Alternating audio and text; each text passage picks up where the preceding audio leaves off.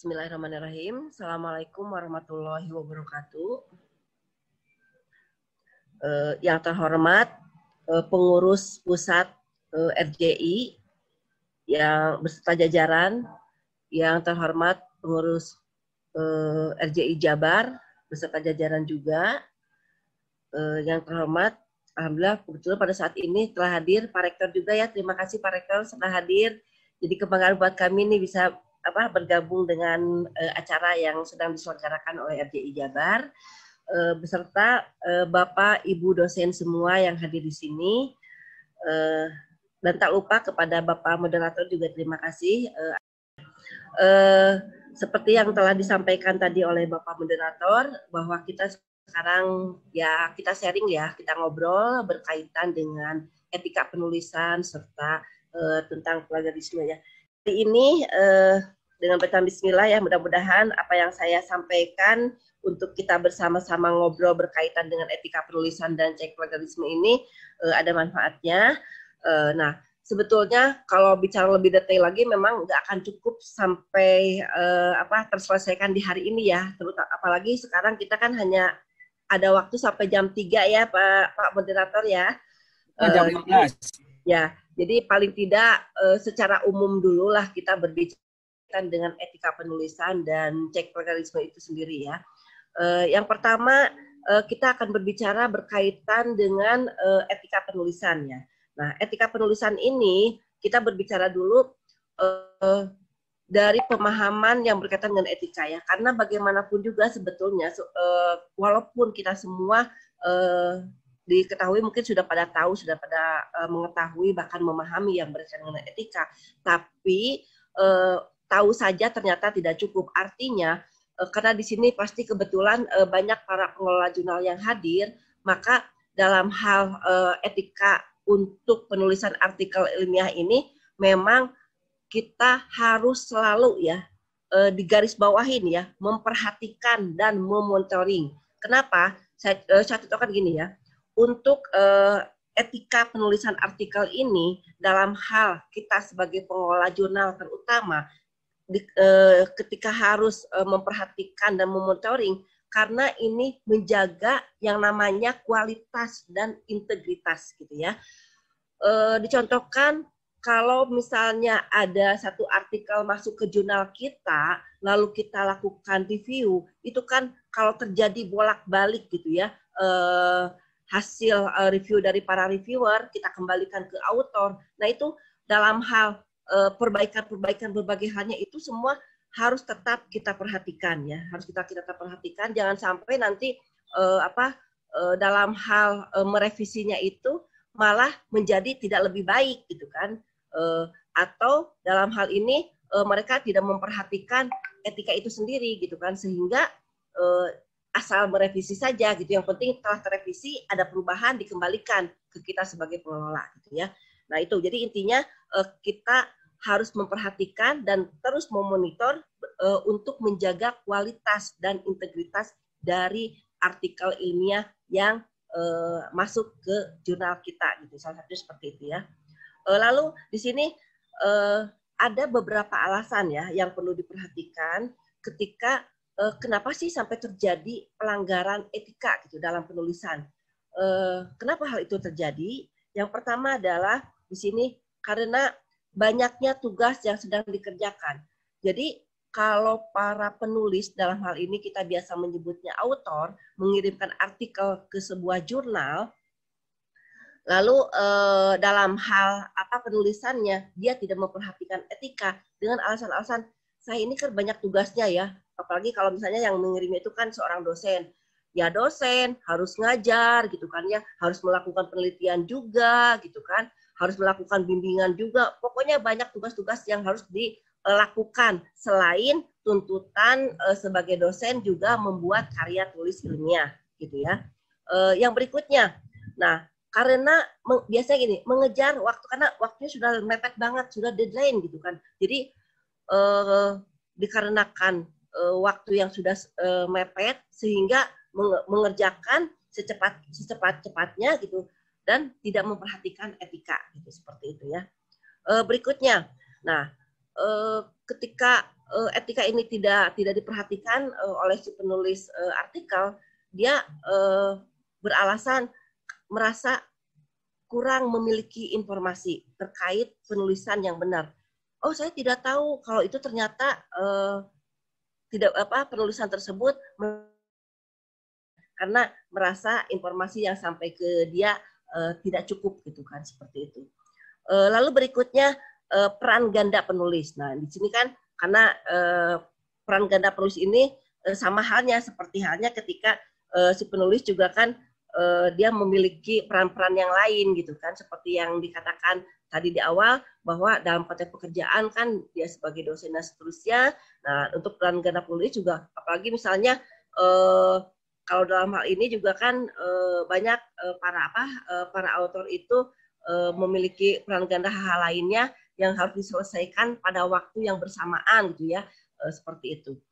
Lalu berikutnya selain beberapa alasan kenapa terjadi pelanggaran etika penulisan gitu ya yang sudah sampai apa yang sudah disebutkan tadi uh, kita melihat juga uh, ada bentuk-bentuk pelanggaran etika penulisan gitu ya. Nah sebetulnya uh, dalam hal bentuk etika penulisan ini hanya dua hal saja gitu ya yang yang apa yang ada gitu ya. Uh, dua bentuk saja yang berkaitan dengan uh, etika penulisan ini. Yang pertama ini yang dinamakan dengan plagiasi gitu ya. Plagiasi ini uh, mengutip dari Menpen dinyatakan bahwa mengutip sebagian atau seluruh karya at, dan atau ya karya ilmiah pihak yang diakui sebagai karya ilmiahnya tanpa menyatakan sumber secara tepat dan memadai. Jadi dia melakukan pengakuan gitu ya. Jadi kan eh, apa eh, berkaitan dengan plagiasi ini eh, terutama eh, di konteks eh, para mahasiswa juga ya banyak banget itu terjadi eh, mahasiswa melakukan plagiasi eh, selain juga pengetahuan mereka yang belum mumpuni juga eh, mereka memang mencari cara cepat gitu ya eh, untuk menyelesaikan tugas-tugas perkuliahannya.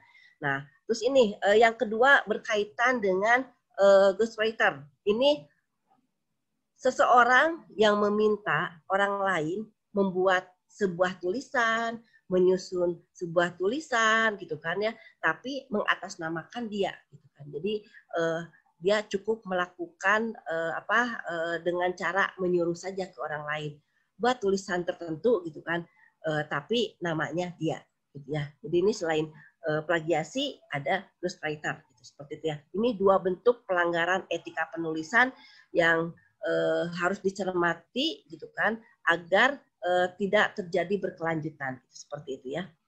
Uh, nah uh, dari bentuk pelanggaran etika penulisan yang dua ini uh, nanti akan memberikan imbas, ya, memberikan imbas pada jenis pelanggaran dalam konteks akademik ya. Nah, uh, adapun uh, jenis pelanggaran yang berkaitan dengan akademik lainnya bisa diperhatikan di sini. Uh, saya mengutip uh, dari pendapatnya uh, Siaputra uh, dan Santosa di 2016. Ini dinyatakan pertama ini uh, ada yang dinamakan dengan uh, apa akademik misconduct. Jadi ini kan berkaitan uh, dengan akademik pelanggaran. Ya, yang misconduct itu ya berkaitan dengan akademik pelanggaran.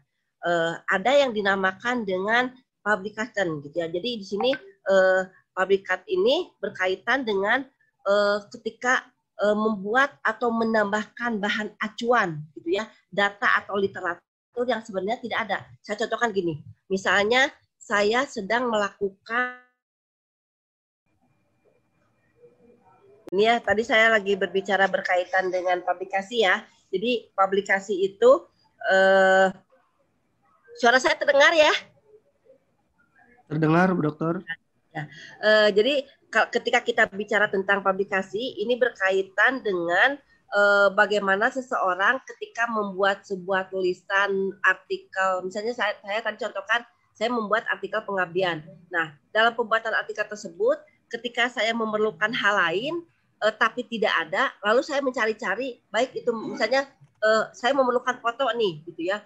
Nah, uh, Lalu saya mencari foto tersebut, saya ambil entah itu foto milik orang lain ataupun milik saya sendiri, lalu saya tambahkan ke artikel pengabdian saya tersebut. Nah itu yang dikatakan dengan uh, membuat atau menambahkan bahan acuan yang sebetulnya uh, foto tersebut tidak dalam kategori uh, agenda kegiatan saya menulis artikel, tapi karena uh, ternyata dengan kehadiran foto tersebut menguatkan artikel saya, maka saya tambahkan. Nah itu, jadi uh, pelanggaran, pelanggaran salah satu pelanggaran yang dilakukan yang berkaitan dengan publikasi ya. Uh, yang kedua, ini uh, berkaitan dengan klasifikasi. Nah, klasifikasi ini uh, mengubah bahan acuan, baik itu data ataupun literatur ya yang sudah ada. Saya contohkan gini, misalnya uh, saya sedang membuat sebuah tulisan, terus saya memerlukan data terbaru di 2020 misalnya, gitu ya. Nah, sementara data yang saya miliki adanya yang 2018. Nah, udahlah, tinggal saya ganti aja tahunnya. Yang 2018 tersebut saya ganti jadi tahun 2020 selesai. Maka saya tambahkan eh, apa eh, ke ke artikel saya tersebut. Nah ini masuk kategori ke klasifikasi ya. Jadi eh, datanya betul gitu kan. Eh, data yang saya miliki betul itu eh, apa datanya itu ya. Tapi karena eh, terjadi apa eh, pengubahan oleh saya uh, saya harusnya memasukkan data yang 2020 tapi adanya 2018 nah itu yang tidak betulnya karena melakukan perubahan uh, apa uh, sumbernya gitu ya. Sumbernya saya peroleh di saat tahun 2018 bukan di 2020 yang saya perlukan gitu. itu yang berkaitan dengan uh, falsifikasi gitu seperti itu ya uh, kemudian ini yang ketiga berkaitan dengan uh, cheating ya cheating itu mungkin lebih dikatakan kecurangan gitu ya.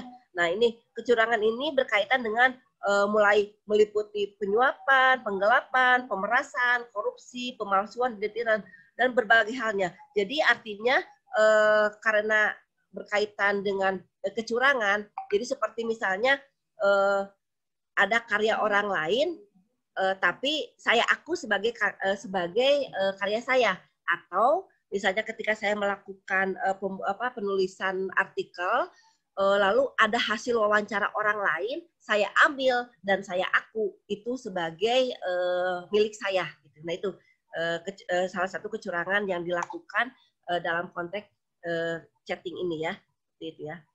Uh, kemudian yang keempat ini berkaitan dengan sabotase ya.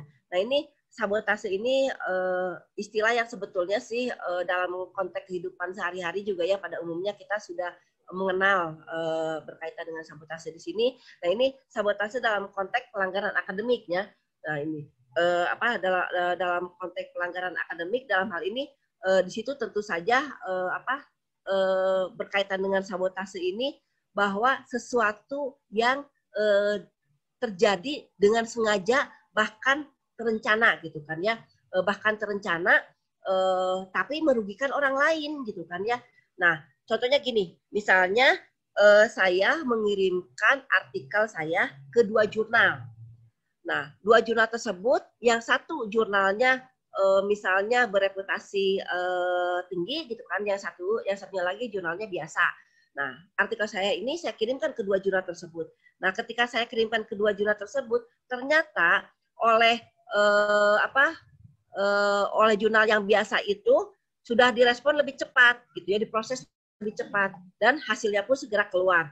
Nah, dikarenakan saya masih mengharapkan uh, apa uh, artikel saya ini dimuat dari uh, jurnal yang reputa, reputasinya lebih tinggi, maka saya tidak melakukan revisi segera. Ah, dibiarkan aja dulu gitu kan, uh, menunggu uh, barangkali kabar uh, akan lebih cepat datang juga dari jurnal yang satu lagi yang saya tunggu dan reputasinya lebih tinggi. Nah itu kan uh, jelas akan sangat uh, apa uh, merugikan uh, pihak jurnal yang satunya lagi gitu kan karena sudah melakukan proses tapi saya sebagai autor uh, tidak merespon segera karena punya harapan siapa tahu dari jurnal yang uh, apa yang uh, lebih bagus uh, menurut pemahaman saya akan uh, apa cepat uh, mendapatkan hasilnya gitu seperti itu ya.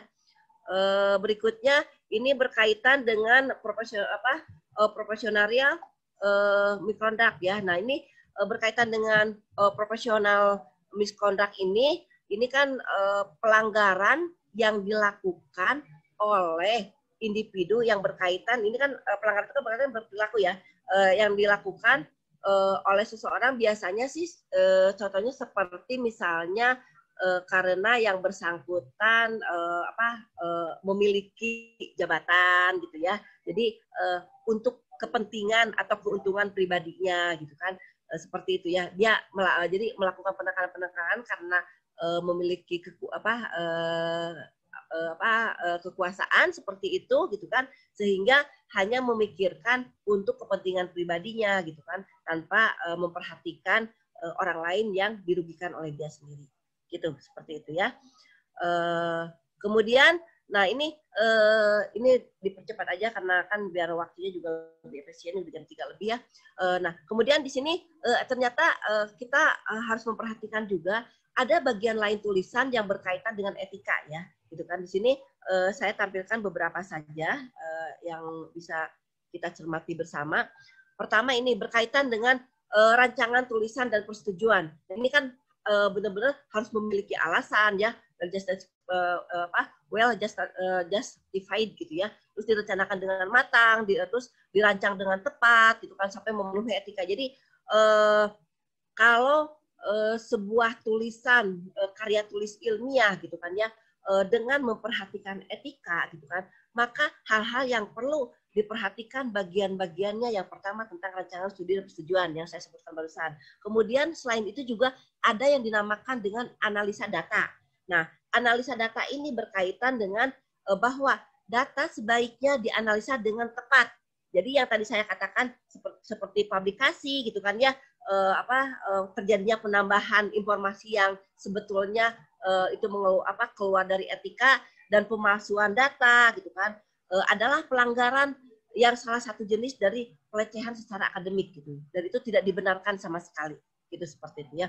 Uh, kemudian selain itu juga uh, diperhatikan berkaitan dengan penulisnya. Nah di sini uh, ada beberapa nama yang dituliskan dalam atribut apa atribusi atau kontributor dan sebagainya pada knowledge di sini kan biasanya kalau di jurnal itu suka ada ini ya apa namanya tuh suka ada dituliskan di bawahnya ya di apa di bawah hasil tulisannya itu bahwa uh, uh, apa namanya itu yang berkaitan dengan tulisan yang kita tulis ini uh, ternyata uh, apa uh, ada ada sponsornya atau ada yang membiayainya gitu ya. Ada yang membiayainya atau ada sponsornya. Makanya di sini uh, acknowledge-nya di, dicantumkan biasanya ya uh, uh, karena ada ada sponsor atau yang membiayainya. Uh, kemudian selain itu juga uh, nah ini berkaitan dengan uh, konflik kepentingan. Nah ini Eh, konflik kepentingan di sini berkaitan bahwa uh, dukungan dana, kerjasama dengan pihak lain, perusahaan atau badan penyedia data atau sampel juga turut mempengaruhi penampilan dan cara penulisan laporan ilmiah. Nah biasanya uh, konflik kepentingan ini berkaitan dengan misalnya uh, kalau ada satu lembaga misalnya ya uh, memerlukan data tertentu sehingga kita diminta melakukan penelitian penelitian untuk pengambilan data itu. Jadi ada request gitu ya sesuai dengan pesanan uh, yang diperlukan uh, oleh lembaga itu gitu seperti itu ya. Uh, nah kemudian di, di sini uh, untuk menjadi penulis yang baik ya, untuk menjadi penulis yang baik ya, kita harus uh, memiliki uh, nilai acuan gitu ya, nilai acuan. Nah, nilai acuan seperti apa? Ini ada dua kategori. Yang pertama jelas berkaitan dengan integritas ya. Nah, ini jadi uh, penulis yang baik itu betul-betul memperhatikan nilai-nilai yang berkaitan dengan integritas ya, menjunjung tinggi nilai-nilai integritas sebagai penulis yang berkualitas. Nah, karena di sini uh, berkaitan dengan integritas di sini mengandung prinsip seseorang penulis itu benar-benar menjunjung tinggi yang namanya jujur, gitu ya. Dalam hal penulisannya tersebut betul-betul pure uh, hasil karya dia sendiri, uh, tidak melakukan plagiat ke mana-mana, gitu kan ya uh, benar-benar ini menjadi karya tulisnya. Ya. Nah, yang kedua uh, selain integritas itu juga kita harus melakukan apa memahami berkaitan dengan etika ya. Jadi memahami dan melaksanakan etika penulisan sebagai landasan aturan. Nah ini karena uh, etika ini betul-betul harus menjadi pedoman dalam hal penulisan karya tulis ilmiah yang dilakukan gitu. Nah, uh, itu mungkin yang berkaitan dengan uh, apa bagaimana kita uh, mem, apa membuat atau beretika dalam hal penulisan. Nah, sekarang yang berkaitan yang kedua berkaitan dengan plagiarisme ya. Nah, plagiarisme ini sesuai dengan apa peraturan peraturan Menteri nomor 17 tahun 2010 tentang pencegahan dan penanggulangan plagiat di perguruan tinggi, uh, maka yang harus kita perhatikan di sini ada tiga poin. Yang pertama tentang plagiat itu sendiri ya, bahwa plagiat ini adalah perbuatan yang betul-betul secara sengaja gitu ya atau tidak sengaja dalam memperoleh atau mencoba memperoleh kredit atau nilai untuk suatu karya ilmiah dengan mengutip sebagian atau keseluruhan dari karya ilmiah itu sendiri gitu kan ya uh, punya pihak uh, orang lain yang diakui sebagai uh, karya ilmiahnya tanpa menyatakan sumber secara tepat dan memadai. Sebetulnya uh, kita ketahui bahwa memang dengan kecanggihan teknologi ya, dengan kondisi zaman sekarang yang kita ini serba mudah ya uh, dalam hal uh, untuk memperoleh berbagai hal di media. Jadi ibaratnya uh, kita kalau memerlukan apa-apa kan tinggal membuka mbah Google gitu ya. Uh, kita perlu apa? Tinggal nulis, kita ambil gitu ya. Tinggal nulis, kita copy. Tinggal nulis, kita nah itu yang dikatakan dengan plagiat seperti jadi uh, apa tanpa tanpa kita sadari bahwa itu adalah hasil karya orang lain, tapi kita melakukan pengakuan seperti seperti layaknya bahwa itu adalah tulisan kita, bahwa itu adalah milik kita gitu. Padahal itu kita hanya mengambil saja.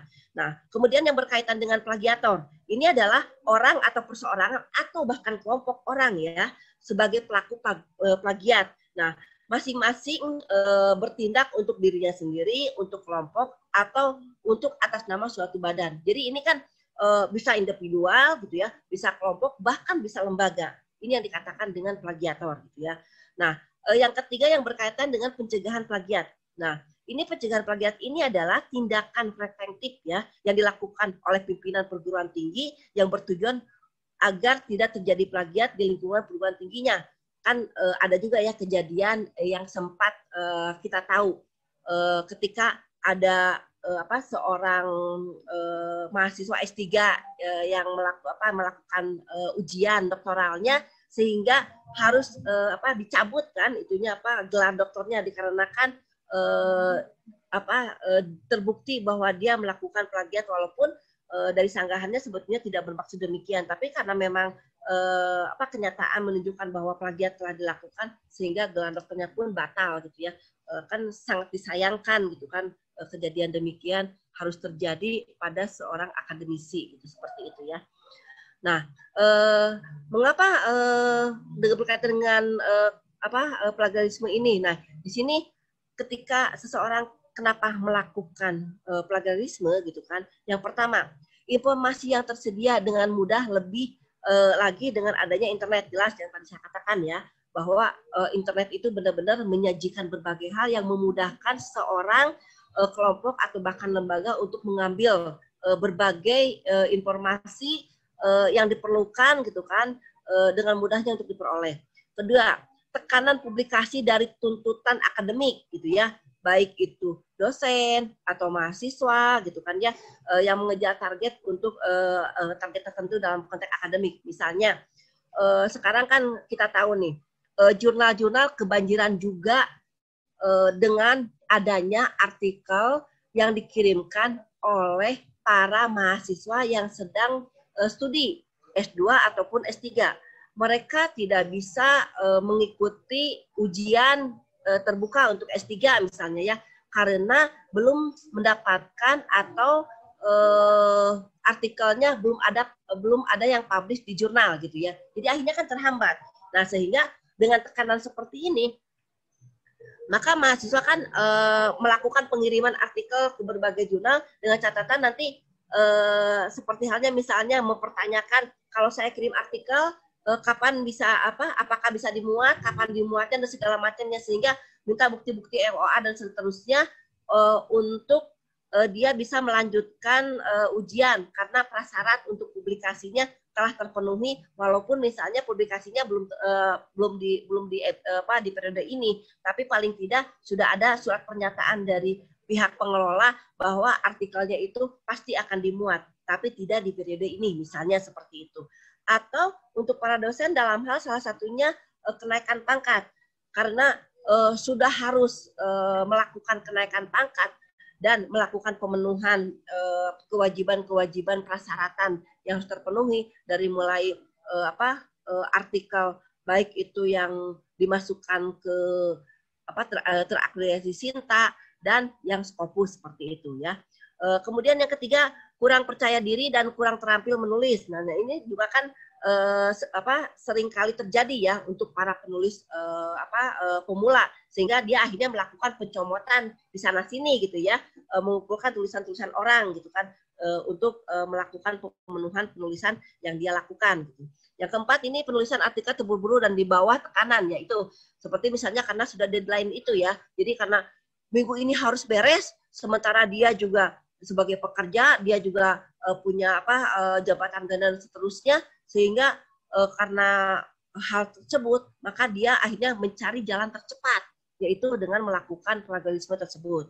Nah, kemudian nah ini kurangnya pemahaman dan kesadaran mengenai plagiarisme. Jadi misalnya uh, seperti halnya gini, uh, dia uh, mendengar atau mengingat pernyataannya siapa gitu kan ya, lalu uh, lalu dia kutip gitu kan itu nanti kalau misalnya ketika dilakukan pengecekan penelitian ternyata uh, masuk kepada plagiarisme seperti itu gitu ya. Nah, berikutnya kurangnya kesadaran bahwa sekalipun orang lain memberikan teks orisinal tetap ya tidak diperkenankan melakukan usaha penyalinan tanpa menunjukkan sumber original, tetap saja gitu kan ya e, itu terjadi dilakukan gitu kan ya karena apa ya itu karena e, kurang atau bahkan mungkin tidak ada kesadaran bagi dirinya sehingga hal itu terjadi gitu ya. Nah, lalu beberapa penulis meyakini bahwa tidak masalah menulis ulang konsep data teks yang mereka miliki gitu kan ya. Karena merasa itu kan milik saya gitu kan ya. Jadi uh, dan dipublikasikan sebelumnya tanpa melakukan penulisan sumber atau uh, sitasi ya yang biasa dilakukan gitu kan. Asalkan tidak menyalin karya orang lain karena menganggap bahwa itu adalah karya saya. Bahkan uh, padahal itu tetap masuk kepada plagiarisme gitu kan selanjutnya ini telah terbiasa melakukan plagiarisme nah ini yang lebih berbahaya karena dianggap udah biasa gitu kan ya. Sehingga uh, apa dipermudah dengan adanya komputer sebagai perangkat uh, untuk melakukan penulisan gitu kan ya. Belum uh, belum juga internet gitu kan. Nah ini uh, terus ketik uh, dan dia juga pernah melakukan hal ini tapi karena merasa aman gitu kan maka dia mengulang kembali gitu kan mengulang kembali melakukan plagiarisme itu sendiri gitu ya uh, selanjutnya uh, kita mengetahui uh, di sini ternyata ada tipe-tipe yang berkaitan dengan plagiarisme gitu ya yang pertama ini ya yang berkaitan dengan intensional plagiarisme. Nah, ini terjadi ketika penulis secara sengaja melakukan aksi plagiarisme. Dan dia berarti kan kalau sengaja eh, berarti dia memang sadar bahwa dia itu melakukan plagiat gitu kan, tapi dia lakukan gitu kan.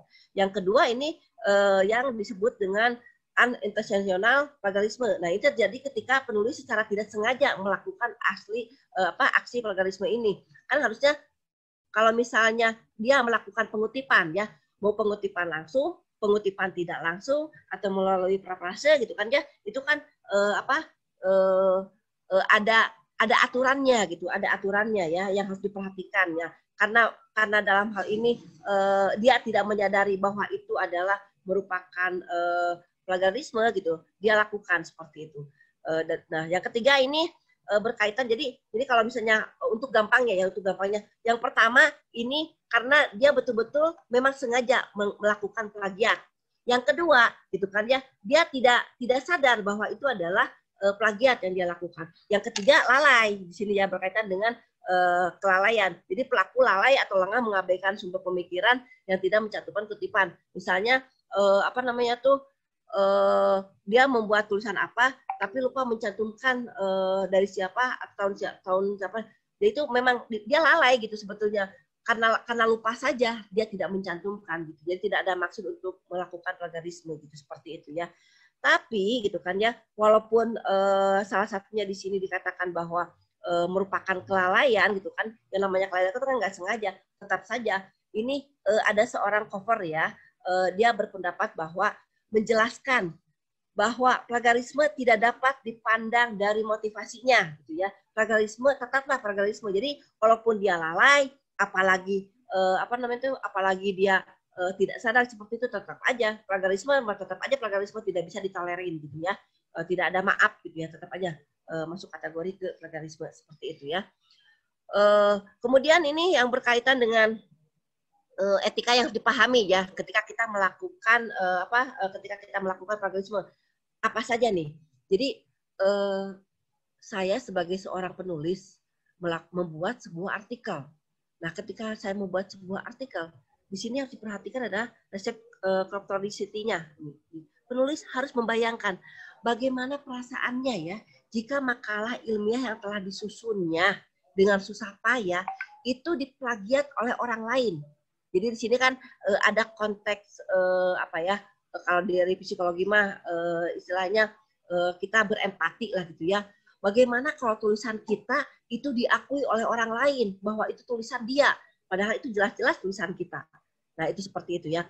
Uh, kemudian yang kategorikal uh, informatif, uh, apa informatif di sini menyatakan bahwa penulis harus membayangkan Eh, bagaimana jadinya jika seluruh penulis tidak ada yang memiliki kemampuan berpikir secara mandiri, tetapi semuanya saling memplagiat pekerjaan yang lain.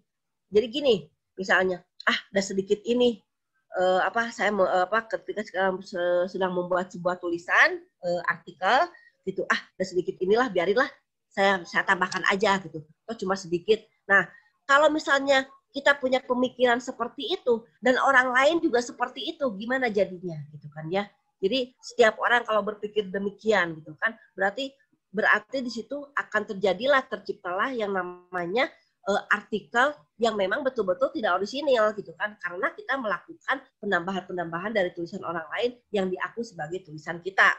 Nah, yang berikutnya yang rule of, uh, rule of change di sini penulis harus membayangkan apakah ia akan dapat maju baik dalam studi maupun karirnya jika ia terus-menerus hanya dapat menjiplak pekerjaan orang lain dan tidak mampu berpikir secara sendiri. Jadi artinya eh, kalau kita membuat eh, sebuah tulisan, sebuah artikel, tapi dengan cara melakukan plagiat ke sana kemari gitu kan dari berbagai hal, dari berbagai referensi gitu kan.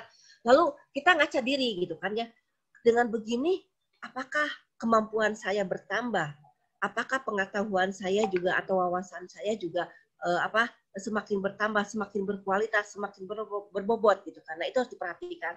Nah, kemudian yang berikutnya berkaitan dengan yang poin 4 ini penulis harus memikirkan apakah nilai atau value dari yang diperolehnya selama perkuliahan akan lebih tinggi jika melakukan plagiat. Jadi uh, selama ini saya uh, sekolah, saya kuliah gitu kan ya. Nah, apa yang sudah saya peroleh ini apakah gitu kan ya uh, akan uh, memberikan uh, nilai lebih tinggi ketika plagiat saya lakukan gitu ya.